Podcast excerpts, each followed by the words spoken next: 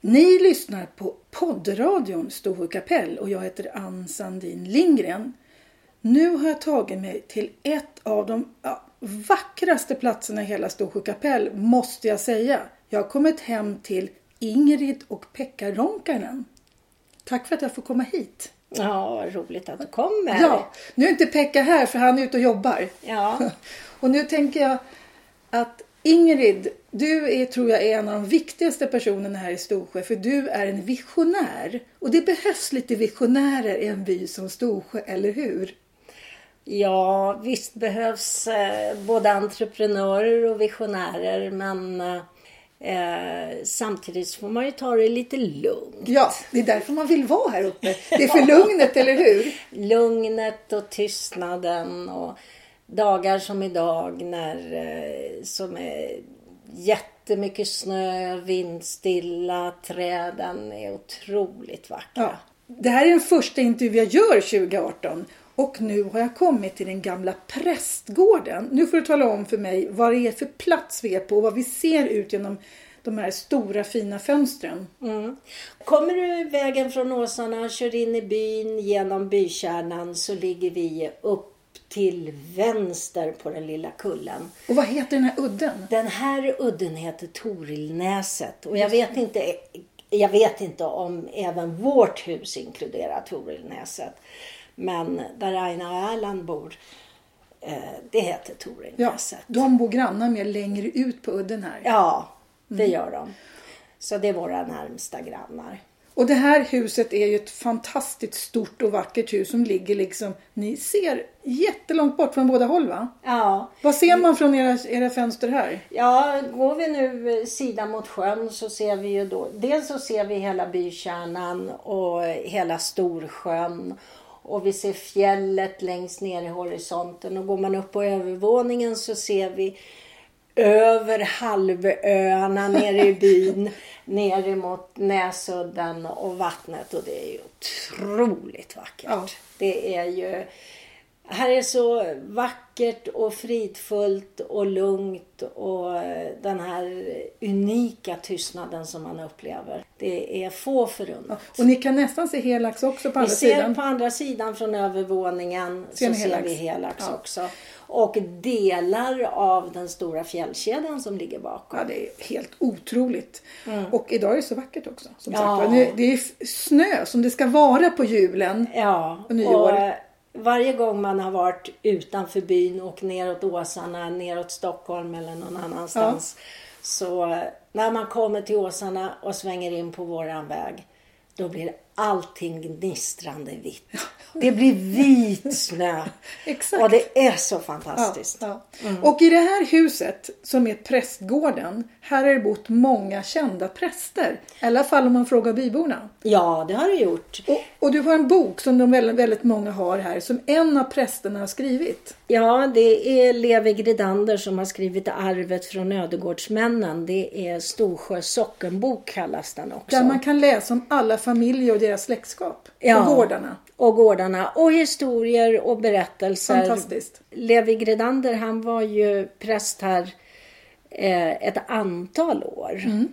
Och eh, gjorde säkert väldigt mycket för byn. Men sen har vi också eh, den välkända Karl-Erik Salberg som nu jobbar eh, han jobbar väl på flera platser men bland annat i Mm. Klara Mm. Han, har, han är pensionerad men har gjort fantastiska insatser Ja. i Klara kyrka i Stockholm. Han hörs också på den här poddradion. Och eh, Gedanders son har jag också intervjuat. Ulf Gridander. Ja, så att vi har lite präster även på den här poddradion. Men det finns präster här som, som jag inte har hunnit intervjua. Vilka var det? Ja, eh, efter Salberg så kom Hans Lagerbrink.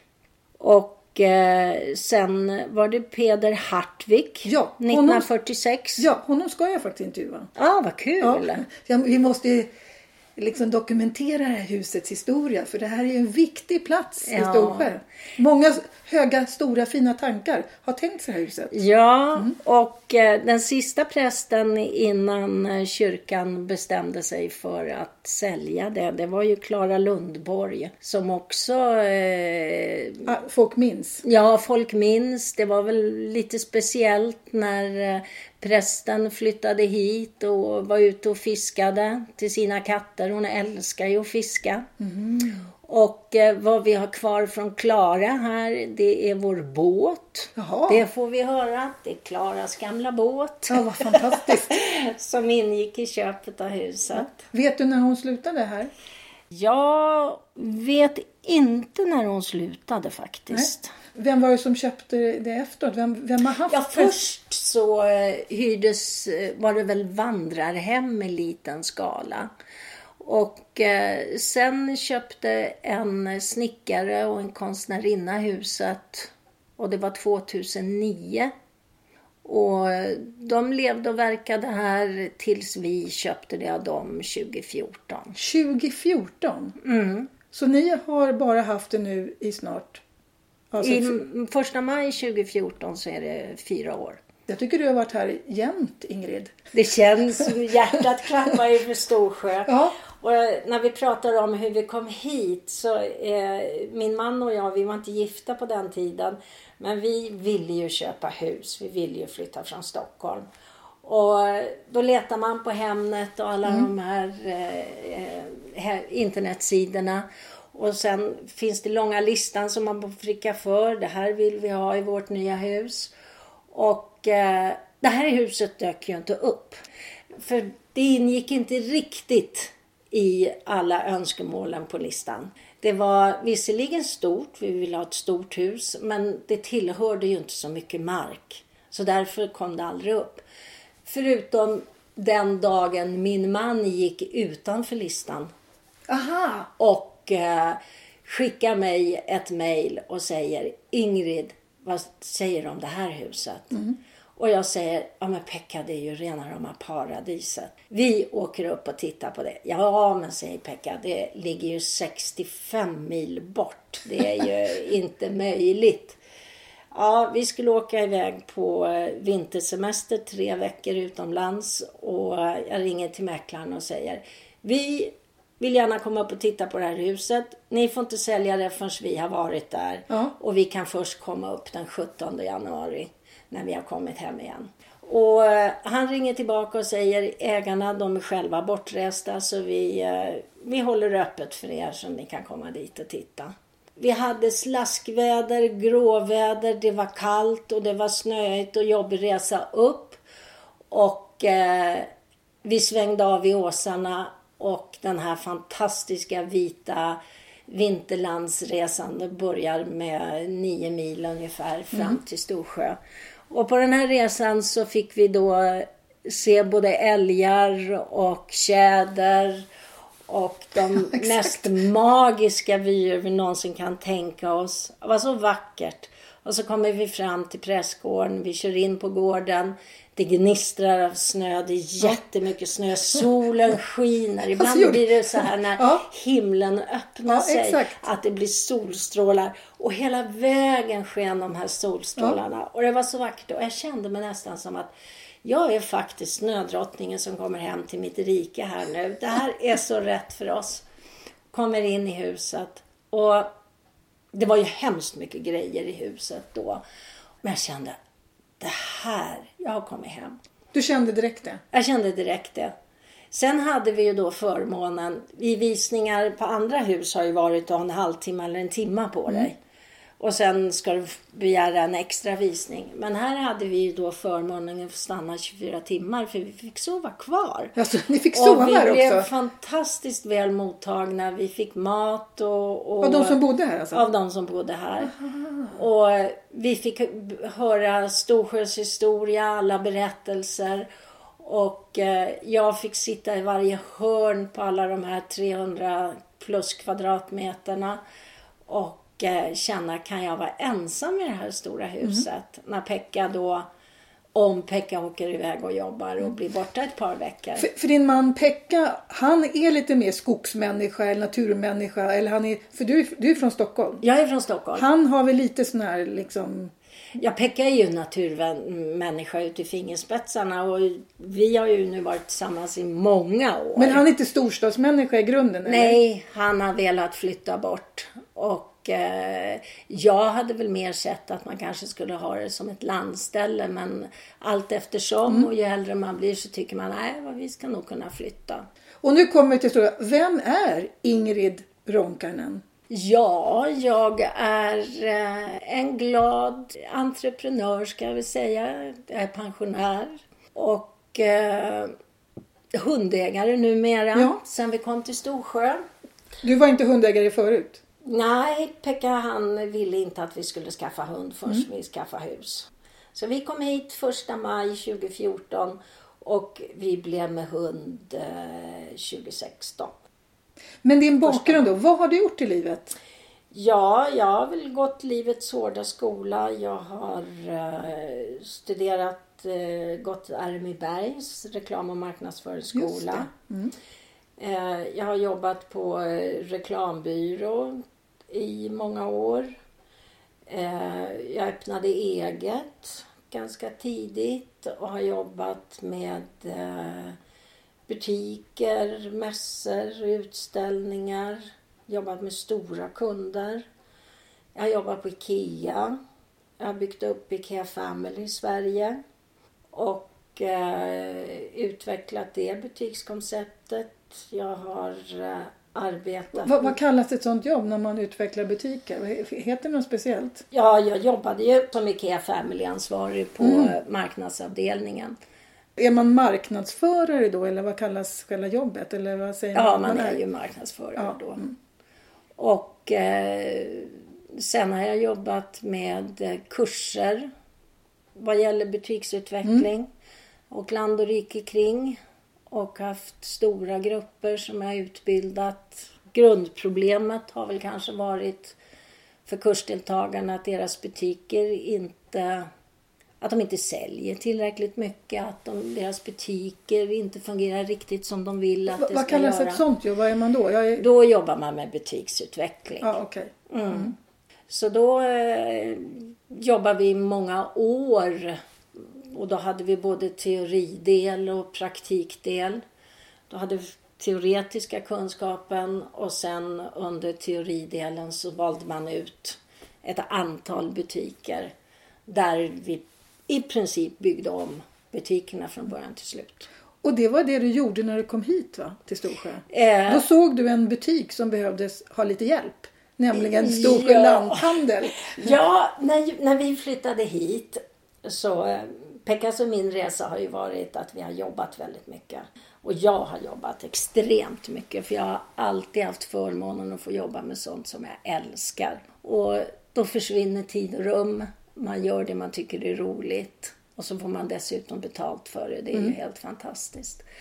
Men eh, jag hade lovat Pekka en sak att jag skulle inte starta igång några nya projekt. Hade du Eh, lovat det? Ja. Vad hade du tänkt dig då? Sitta och rulla tummarna Ja, och, och titta på en utsikt och va, va, koka kaffe till din Skriva man? mina memoarer Ja, kanske. memoarer, exakt. Ja. Ja. Hur tänkte du då Ingrid? Ja, jag vet inte hur jag tänkte Mm. men jag tyckte allting var så fantastiskt. Så vi sålde allt vad vi hade. Och eh, Pekka han var inte lika sugen på att flytta upp hit som jag var när Nej. vi åkte härifrån. Ni sålde en lägenhet i Stockholm. Ja, Och då blir det ett fint hus i Storsjö för dem. för de pengarna. Ja, det är plus lite till. Ja, för Ja. i Stockholm är- kan man sälja vilken skruttlägenhet som helst för hur många pengar som helst. Det är jättekonstigt Ja. vad, vad lite man får för pengarna i Stockholm. Ja. Här fick vi mycket för pengarna. Mm. Ja. Första halvåret eh, var väl ganska bra. Då har vi tillsammans, Pekka som aldrig hade varit ledig, eh, jag kan inte minnas en sommar som Pekka haft riktig semester. Fick verkligen gotta sig åt det här med att fiska. Han fiskade varje dag. Han älskar ju att fiska. Ja, han la upp, jag jag ser att hans Facebookbilder är väldigt, om han fiskar så visar han sin fångst. Ja, han, han gillar att fiska. Och eh, första sommaren hade jag faktiskt min mamma här i två månader och det var ju också fantastiskt. Ja, fint, vi hade gäster. Och, men framför allt mamma tyckte ju att det var ju alldeles förskräckligt att vi skulle flytta så långt norrut. Men när hon kom hit så fick hon ju också uppleva hur fantastiskt livet var här Mm. uppe. Och ni är så pass stort att ni kan ha gäster. Många gäster. Många gäster. Så det är kul när huset är fullt, som det är ibland. Men eh, sen måste man ju tänka på det här med försörjningen också. Så Pekka var ju tvungen att åka iväg och jobba. Ja, för han är en praktisk kar. Ja, han har svetsfirma och eh, jobbar med olika projekt. Han är också väldigt privilegierad att eh, han kan ta vissa projekt och sen kan han vara ledig längre tid. Han där- kan både snickra och göra andra saker ja, också. han, om du frågar mig och min man så kan han allt. Ja. Där Han ska... är konstnärligt intresserad och han är praktiskt lagd och Ja. ja. ja, han kan det mesta som man vill. Jag brukar säga så här att han har sån här öronflärpar och eh, vill han inte göra någonting då stänger han de flärparna. Så då vill han inte göra det. Men han kan. Han kan. Om han vill. Men nu får du berätta. Hur kom det sig? För du, det säger alla i den här byn, du har gjort en fantastiskt viktig insats. Du tänker då på, eh, det var under oktober eh, 2014. Pekka var borta och hade ett uppdrag. Det var längre tid och jag var hemma länge ensam. Och då vandrade jag över Birgitta och Lorens äng ner till eh, lanthandeln och handlade. Och, eh, jag kände mig liksom som flickan som kom ner och fick komma ner till byn och komma till butiken. Och det, det var så fantastiskt allting. Men jag kände ju direkt, jag menar, jag är ju yrkesskadad och jag kände ju direkt, det här står inte rätt till. Det här är inte riktigt som det ska. Men jag sa ingenting utan jag var nere och handlade många gånger. Men till slut så kunde jag inte låta bli. Utan jag kommer inte ihåg om det var hans Ove eller Eva-Lena som satt i kassan men jag sa det att om ni vill så kan jag hjälpa er. Jag känner att eh, ni behöver hjälp här i butiken. Och då hade jag väl kanske inte tänkt mig att eh, det skulle vara så mycket jobb som det visade sig vara. Men eh, då funderade de några dagar och Pekka kom hem. Jag berättade för Pekka vad jag hade gjort och sa det att jag måste hjälpa dem.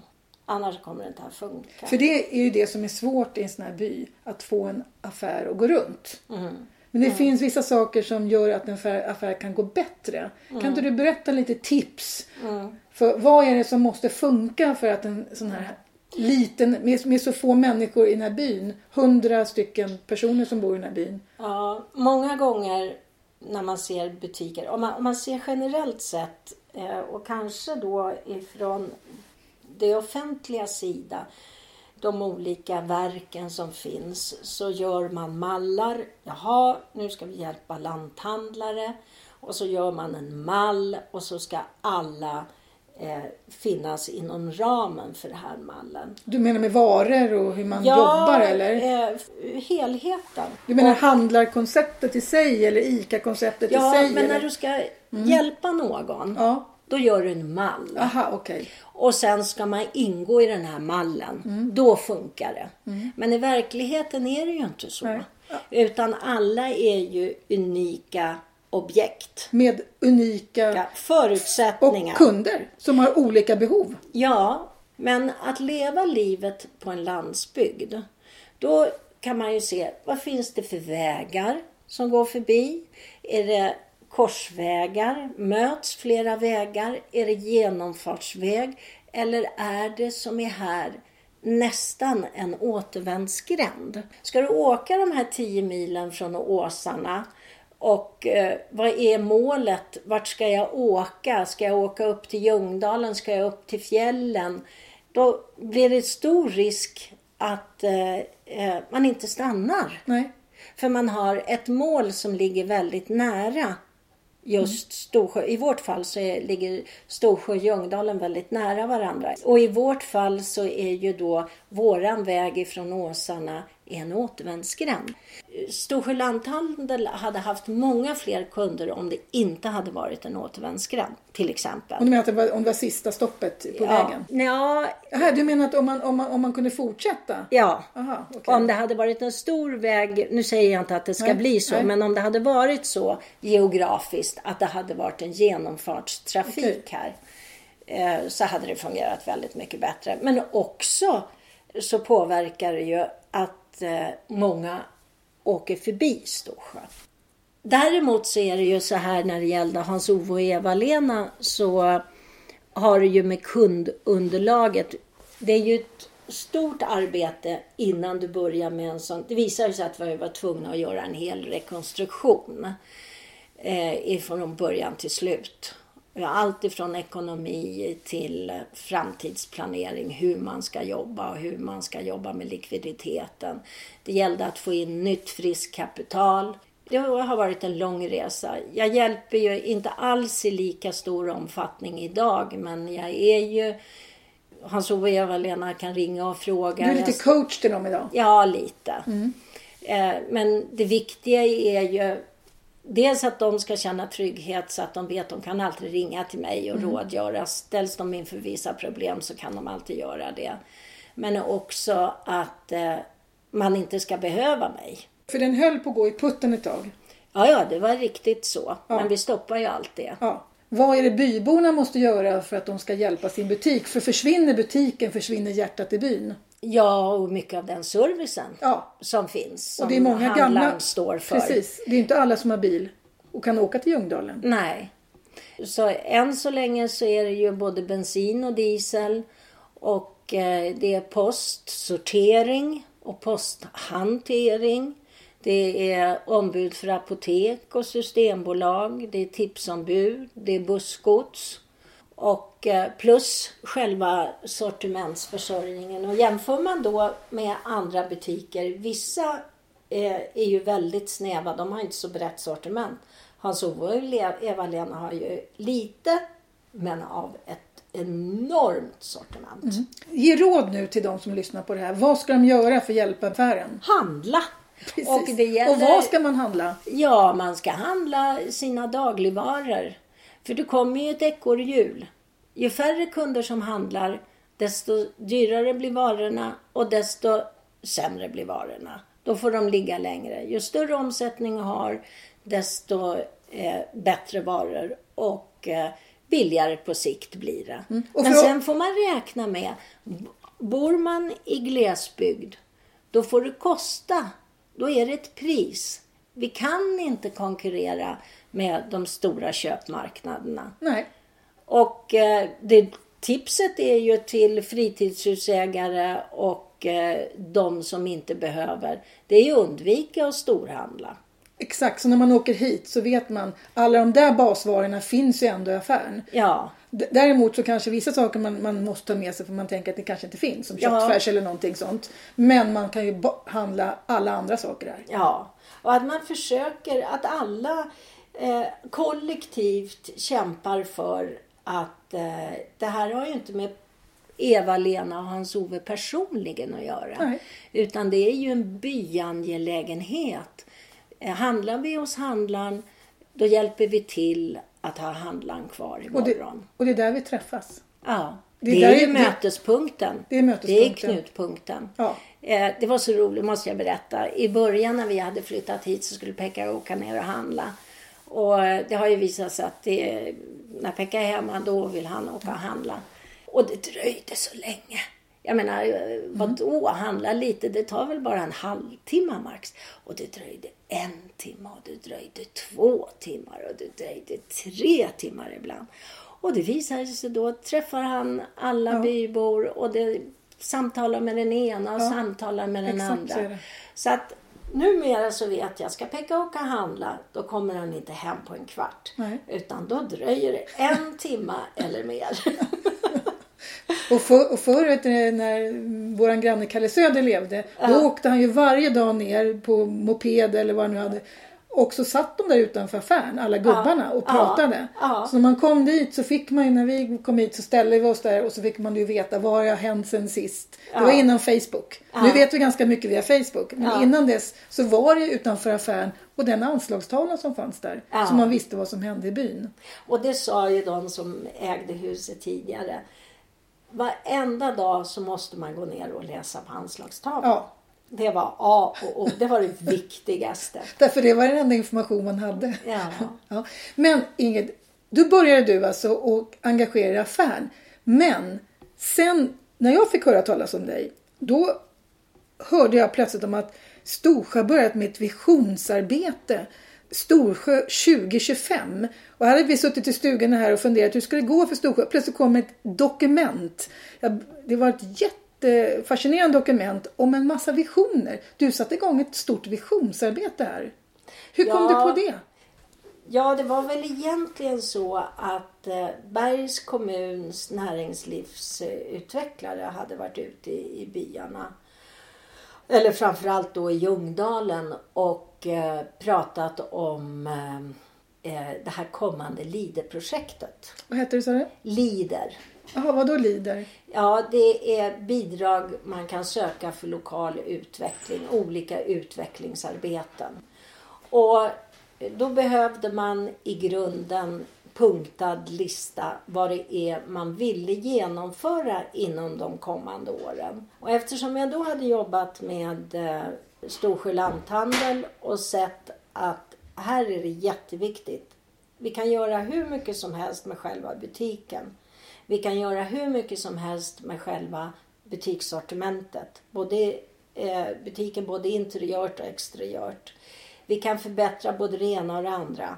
Men vi skulle ändå inte lyckas om vi inte har rätt kundunderlag. För eh, i Storsjö så har man ju då väldigt hög medelålder på gott och ont. Det beror ju, tror vi, Pekka och jag i alla fall, på att man har livnärt sig på att äta eh, så mycket fisk och så mycket vilt. Ja, man har levt på det som den här lilla byn ger. Ja. Och man har kunnat det. Ja. Och här bor många familjer i många generationer. Mm. Och vill tillbaka hit också. Ja. Och älgen är ju det djur som, eh, vilda djur som det finns omega i också. Så då får man, äter man ju både fisk och älg. Ja, och så äter man ju väldigt nyttigt här uppe. Ja. Det var någon som sa till mig att här äter vi bara sånt som vi själva slagit ihjäl. Mm. Det vill säga man äter ingenting. Eller man har inte ätit sån här färdig mat utan man har ätit riktig mat. Som man har, eh, ja, så att folk blir väldigt gamla i den här byn också. Mm. Det är väldigt positivt. Men eh, då eh, var det ju många som under de senaste åren, eller det är väldigt många som tyvärr har gått bort. Ja. Och det slår ju så hårt på en sån liten by. Ja, och husen står tomma. Ja, en del. Eh, Och det, är, det, är en, det, här är en problematik som är över hela Norrland. Som man säger, man brukar älska ihjäl sin hembygd. Man vill inte sälja sitt gamla hus. Nej. Trots att man kanske bara åker hit en gång om året eller två gånger om året. Mm. Och då kanske man ska sätta det i eh, relation till, finns det andra alternativ? Skulle jag kunna sälja sitt hus till någon som skulle vara villig att flytta hit på året runt basis och kanske hyra ett boende den veckan man Exakt. är här. Ja, Till exempel. ja. Var den, Eller eh, framför allt att man kanske hyr ut sitt hus just det. under den tiden man själv inte är här. Och det var det visionsarbetet som ni började med i byn. Att fundera ut hur, hur ska man bli fler? Hur ska... Nej, eh, det ena gav det andra. Aha, vi okej. sammanställde ett dokument och sen la vi in en prioriteringsordning i det här. Vilka var vi? Vi var väl tio stycken personer i byn som samlades. Och eh, Många av dem satt ju i eh, byalaget men det var ett antal andra aktiva aktörer som också var med. Och sen gjorde man en prioriteringslista där att eh, 1, 2, 3, 4, 5 och steg för steg skulle varje punkt genomföras. Och det blev ju då ett eh, visionsdokument man, vi var tvungna att se helhetsmässigt. Att man gick till stu, från stuguthyrning, eh, försäljning av bostäder, inflyttning, handlan. Det är ju ett ständigt arbete. Turismutveckling, vad kan man göra för att fler turister kan stanna här? Hur kan vi få stoppmärken? Det här, man ska inte bara köra igenom Storsjö, man kan stanna på flera olika platser. Det här är ju en liten glesbygd som eh, en liten fjällby som överhuvudtaget aldrig har sett sig som en turistby. Nej. Det har Ljungdalen gjort mer. Ja, men de har haft andra naturliga, men vi har lika naturliga förutsättningar vi. Eh, tittar man geografiskt så har vi den här fantastiska fjällkedjan som ligger runt omkring oss. Och sjön. Och sjön. Eh, sjöarna. Mm, det sjö. finns ju i Storsjö fiskevårdsområde finns det ju över 50-tals sjöar. Så att eh, det här med vandring, utflykter, se och göra. Vi har ett enorm palett att Ja. Mm. erbjuda. Och inte minst när det gäller kulturaspekten. Det Mm. Och- kulturella Precis. arbetet. Jag tänkte, är det inte också lite grann så här, det är ungefär som man blir hemmablind. Mm. Jag pratar ibland med de grannar vi har, att man, de ser inte hur vackert det är här. Det är vi som kommer hit. Eller någon Mm. annan måste komma hit och se vilka möjligheter som det finns. Så Och är det med alla. Så är det med allt. Mm. Och den här lilla byn förstår ju inte alla gånger att det här är världens vackraste plats. Först, för de tittar på det här vackra hela dagarna. Mm. Medan vi som är här då och då, vi, som du säger, det är magiskt att komma Mm. hit. Så det är en fantastisk plats. Mm. Nu måste du berätta om, för det, det, det du håller på med nu, det är det här med konst. Du har bildat en konstgrupp. Ja, jag och eh, några aktörer till. Ja, vilka är det som är med, aktiva i det? Jag kanske ska, ska berätta lite att i våran lilla by föddes 1925 en stor konstnär som heter Bengt Lindström. Och när vi tittade på vårat hus så säger den tidigare husägarinnan att om du tittar över viken här i det röda huset där är Bengt Lindström född. Och jag trodde inte mina öron. Det var gamla skollärarens eh, Eh, hus. Ja, För Bengt Lindströms pappa var var folkskollärare. Och sedermera så blev det församlingshem och sen bestämdes att det skulle säljas ut. Eh, så var det, hade Loren Svensson sin verksamhet där. Just det, den också. Ja, du, det här alltså det är uppfinnare i byn också. ja, det är roligt. Ja. Och den här konstgruppen. ja, då Marie Jonsson som är gift med Lennart Jonsson som har Storsjö eh, Gräv och Åkeri AB. Han som ser till att vi kommer hit på vintern. Som plogar våra vägar bland annat. Ja. Och då ska jag tala om det här att jag har gjort många intervjuer med olika Storsjöbor. Ett 30-tal nu tror jag, eller ännu fler. Den intervju som delas mest, det är den som, om Lennart Jonsson. Ja. Så att det är fortfarande har det väldigt högt lyssnarvärde att lyssna på Storsjö-Lennart. Ja, vad härligt. Vad härligt. Och då sitter hans fru Marie och jag. Och eh, hon är konstnärinna bland annat. Och vi ägnar oss åt eh, att gå igenom vad vi ska göra och vad vi inte ska göra. Och vad man ska prioritera och börja med. Och eftersom vi båda är så intresserade av konst så säger vi 2015 vi ska ha en Bengt Lindström-utställning. Så vi börjar ringa runt till alla slags människor med någon Ja, som helst det. koppling till Och, Bengt och ni Lindström. gick ut och frågade, är det någon som har Bengt Lindström-tavlor hemma? Ja, bland annat. Ja. Eh, lokalt tyckte vi då i byn. Och, eh, så vi var runt och pratade med jättemycket människor. 2015 blev det ingen utställning av olika anledningar. 2015 så skulle Bengt Lindström ha blivit 90 år om han hade levat. Jag ska tala om för att det som ni hör nu i bakgrunden det är att Ingrids man Pekka kommit hem. Så det är hunden som heter Troja. ja, och Pekka som håller på med någonting. Så hör ni ljud runt omkring oss. Ja. så är det de ni hör. Och Ja, det är en riktig Storsjöhund som är född i Storsjö. det var bra. Var bra. Ja. Ja. Så det blev 2016 istället Mm. Som vi hade den första utställningen. Och det. då hade vi bara lokala verk och det var en helt fantastisk Ja, utställning. och då lånade folk ut sina verk. Ja, Mm. det lånades ut verk. Fick man det? För det var lite knas med det här med till, får man göra så här? Och, Ja, det var första året. det var första året. Men, var ni, första men ni året. fick liksom okej av Ja. Bengt Lindströms familj att göra det? Ja, ja, vi hade alla tillstånd Ja. klara och allting var grönt. Och eh, Bergs kommun bidrog med ett eh, fantastiskt bidrag för att vi skulle kunna genomföra det. Och så hade vi en Bengt Lindström-helg som hette duga. Ja. Bara lördag och söndag. Barnen fick till och med måla Bengt Lindströms... Ja, vi hade workshop då. Det var också Och, häftigt. Mm. eh, Ja, 10 meter lång. Eh, sen får vi se vad vi ska göra med den tavlan. Men däremot så gav det ju oss blodad tand. För vi fick jättemycket bra press. Det skrevs om det i tidningarna. Och vad som, Samtidigt gjorde du en hemsida. Det var då du lanserade en den här fantastiska nya hemsidan. Ja, vi gjorde en hemsida. I och med att vi gick ut med så mycket pressreleaser så måste det ju finnas en ordentlig avsändare. Mm. Och, då, symbolen på den hemsidan är väl Bengt Lindströms? Ja, det var så eller? roligt för eh, Marie och barnen, alla fyra barnen var här och eh, vi skulle då ha en symbol för Bengt Lindström.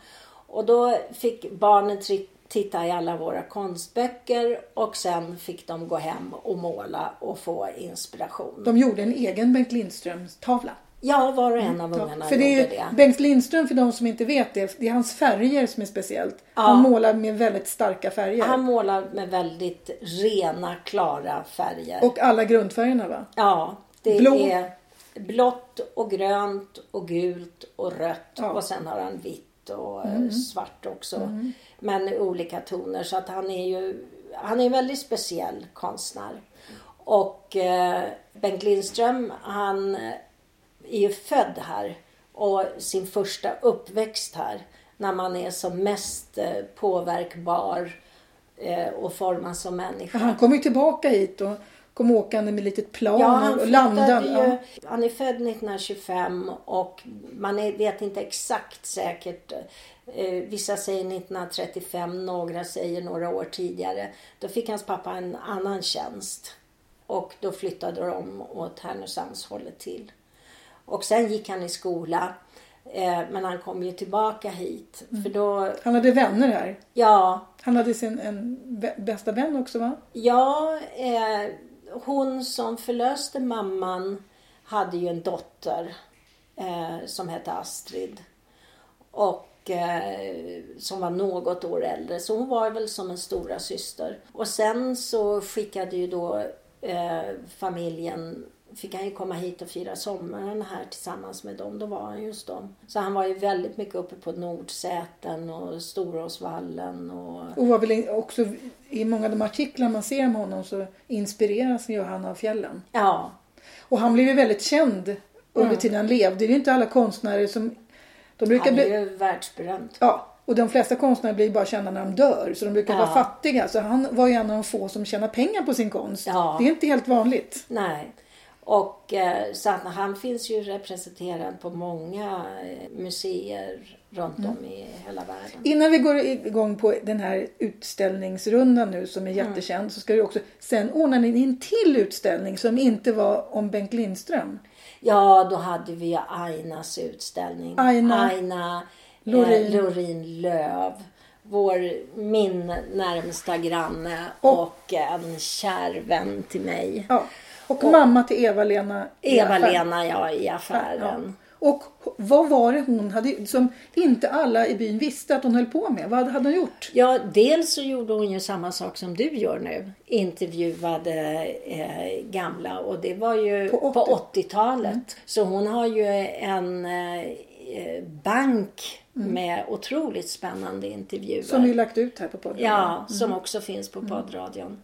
Men hon, eh, var, var hon, hon var ju konstnär. Ja, hon Fast hon kallade sig inte för konstnär. Nej, inte kunde hon väl kalla sig för. Men var en fantastisk konstnärinna. Vad gjorde hon för någonting? Hon tog ulltavlor. Och inte bara det, hon gjorde dockor. Dockor också. I tidstypiska kläder från ja. förr. Och eh, varje docka hade ju sin egen lilla historia på jämtska. Hon var ju väldigt intresserad av den dialekten som mm. vi, eh, eller man pratar här. Mm. Det var ju fantastiskt att, att den här utställningen blev gjord. För att ja, väldigt tråkigt ju... nog så, så lever inte hon längre. Nej, Aina gick bort för knappt ett år sedan. Ja. Tyvärr. Och då hann ni med det? Ja, Marie och jag vi brukar säga det att tänk att vi hann med att ja. göra Ainas stora utställning. Ja. Som vi hade efter Bengt Lindström i november. Bengt Lindström hade vi i början av september mm. och Ainas hade vi i början av november. Och sen har ni börjat med något ännu större. Berätta om det. Ja. För det, det är vad du håller på med nu ser man. Ett helt arbetsrum om bara Bengt Lindström. Vad ja, både Pekka och jag jobbar ja, med det här. Vad är det som ni har börjat med? Ja, vad är det ni gör för någonting? Ja, Marie och Pekka och jag, vi jobbar ju med någonting som heter Den fornnordiska mytologins mästare. Och nu är det inte bara en utställning i eh, Storsjö Vi hade världspremiär på förhandsvisningen nu i början av september här i Storsjö kapell. När vi hade förmånen att få visa upp ett antal gigantiska originalmålningar av Bengt Lindström. Helt fascinerande. Vi var två gånger två meter, fyra stycken verk. Sen hade vi tolv stycken mindre verk. Var kom de ifrån? Eh, de här kommer ifrån eh, samlare. Ja. Eh, de som äger väldigt mycket eh, Bengt Lindström-verk. Och ska man genomföra ett sånt här projekt så kräver det ju att det är ju årslångt arbete. Mm. Och du måste ju ringa, du måste ju bearbeta folk, du måste ju få folk till att vilja ställa upp på det här. Vad heter han Bengt Lindströms-kännaren som har gett upp? Kurt Aspelin. Och Kurt Aspelin han är ju med i Bengt Lindström-sällskapet och vi eh, jobbar ju väldigt tätt tillsammans idag. Plus tätt tillsammans med ett antal tillsamlare. Men vad fanns Bengt Lindström-sällskapet innan eller? Det fanns inte. Ni har skapat det? Vi har skapat Aha, har det. ni gjort det? Okej. Och sen har ni haft en... Eller vi har bildat Ja, det. bildats, okej. ja. Men sen har ni åkt iväg och Ja. en ännu större utställning. Ja, det här är ju då förhandsvisning på den här stora världsturnén som kommer nu. Som vi kommer åka ut med 2018. Och eh, så vi har haft första och andra förhandsvisningen. Andra var i Mora.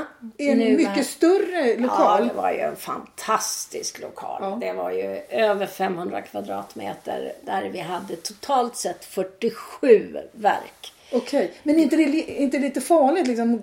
De är ju värda massa pengar. Måste Ja, man men inte... vi har eh, försäkringar och Försäkringar, rigorös ja. bevakning. För det är inte bara att Nej, är ställa ut bara. sådär. Ja. Det är inte bara. Alltså jag, nu ska jag säga så här. Jag tycker inte ens om Bengt Lindströms tavlor. Ja, men Vi har ju haft några stycken. det. Men jag måste säga det, när man såg de här bilderna från er utställning Ja. så blir man extremt imponerad. Det är någon väldigt stor glädje i den här färgsprakande, konstiga, naivistiska konsten. Jag är nämligen uppväxt i Stockholm med de här, som jag då tyckte, konstiga figurerna utanför Moderna Museet. Med de här stora klumparna. Mm. Ja, Det var ja. också Bengt Lindström. Och sen finns det några andra sådana här Bengt Lindströms... Yet. Yet, exakt. uppe i Timrå. Exakt det. Ja. Så att han är ju egentligen jättekänd. Ja, man, han är ju... Ja, dels, han är väl en av Sveriges mest kända eh, konstnärer internationellt sett. Och vad ska ni ta vägen sen då på den här världsturnén? Ja, vi håller fortfarande på med förhandsvisningar. Mm. Nu kommer vi ha en tredje förhandsvisning i Sundsvall. Jaha. Och hur många verk som kommer visas, det vet vi inte riktigt Mm. ännu. Vi jobbar på den.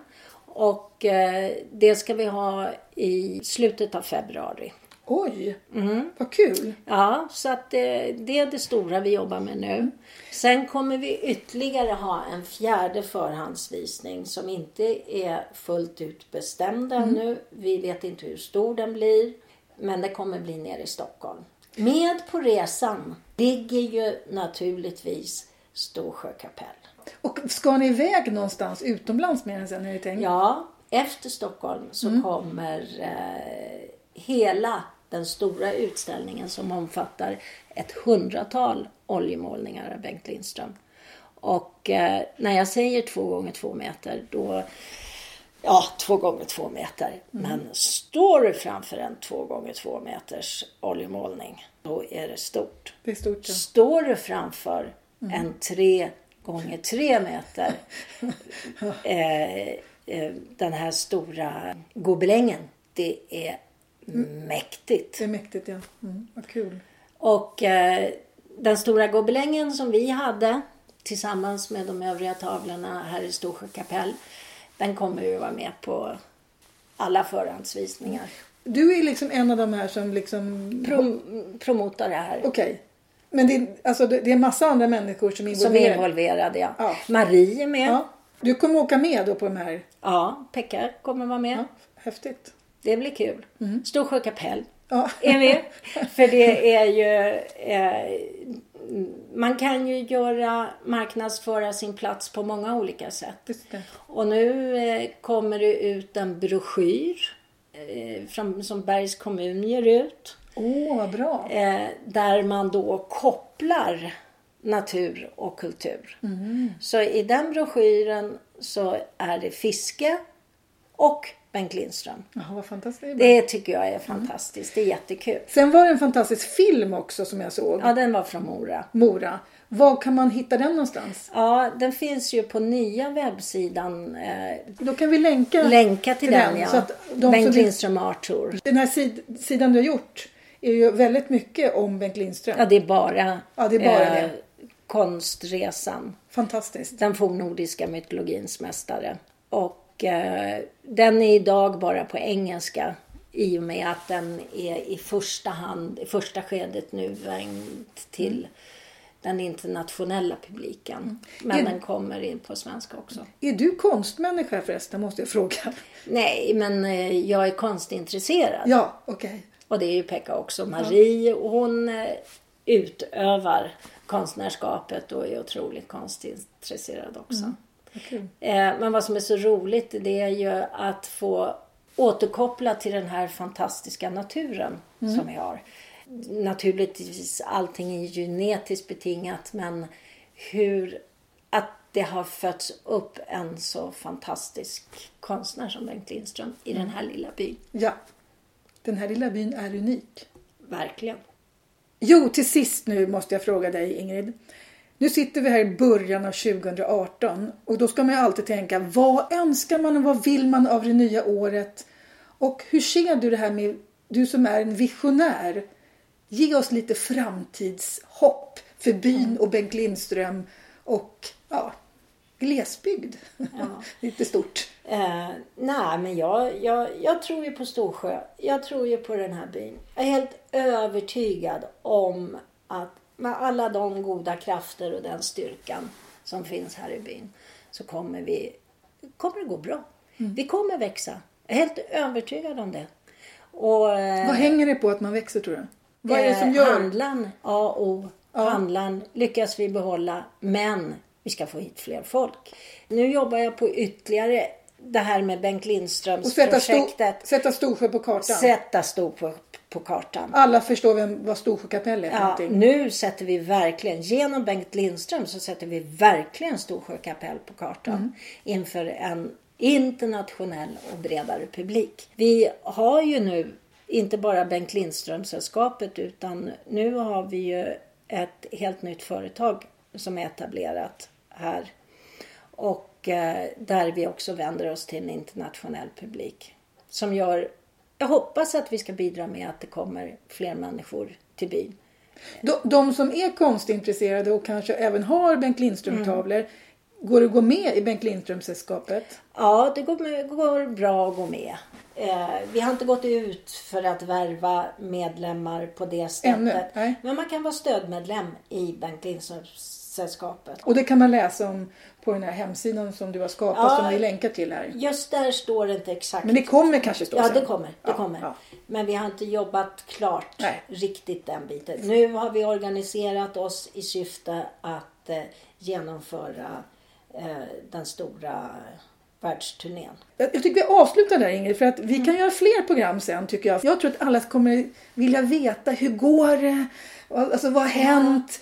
Så jag tycker varje gång ni har varit ute någonstans så kan vi göra ett kort program på poddradion Ja. och berätta hur Storsjö tas emot. För det också tror jag så här är bra för alla i den här byn. Unga människor har bättre självförtroende kanske men det behövs mer självförtroende tycker jag så att den här lilla byn fattar hur fantastisk den är. Ja. Och det är så roligt. Vi har ju fått två stycken unga nu som har eh, kommit tillbaka till byn. Ja, det kommer unga människor hit Ja. och vill bo här. Ja, de lyckades äntligen, äntligen. Den ena paret lyckades köpa Elin och Mats. Ja. Och, De kan vi eh, höra också här på poddradion. Ja, och det är ju så fantastiskt. Jag blev ju så lycklig. Mm. Och sen har vi eh, Johanna och Janne som har köpt tomt och också, också intervjuade Ja, och är på eh, väg Johanna hit. Ja. Mm. och är på väg tillbaka. Och det är fantastiskt. Ja, Det är framtidstro. exakt. Mm. Tack så mycket Ingrid Ronkanen. Tack för att vi fick komma till det här fantastiska huset och se den här lilla, nu, nu är nästan tycker jag mitt på dagen, det är det ju inte riktigt, men det skymmer över Storsjö. För på vintern är det korta dagar här. Så man uppskattar det ljus som är. Mm, men nu kommer ju det här otroligt vackra blå ljuset Ja. i alla de tonerna. Som är magiskt Ja. också. Så ni har alltså lyssnat på det magiska programmet om Ingrid Ronkanen på poddradion Storsjö kapell. Och mitt namn är Ann Sandin Lindgren. Tipsa mig gärna om fler människor som jag kan intervjua. På återhörande. Tack för att jag fick komma hit. Tack själv, tack för att du kom.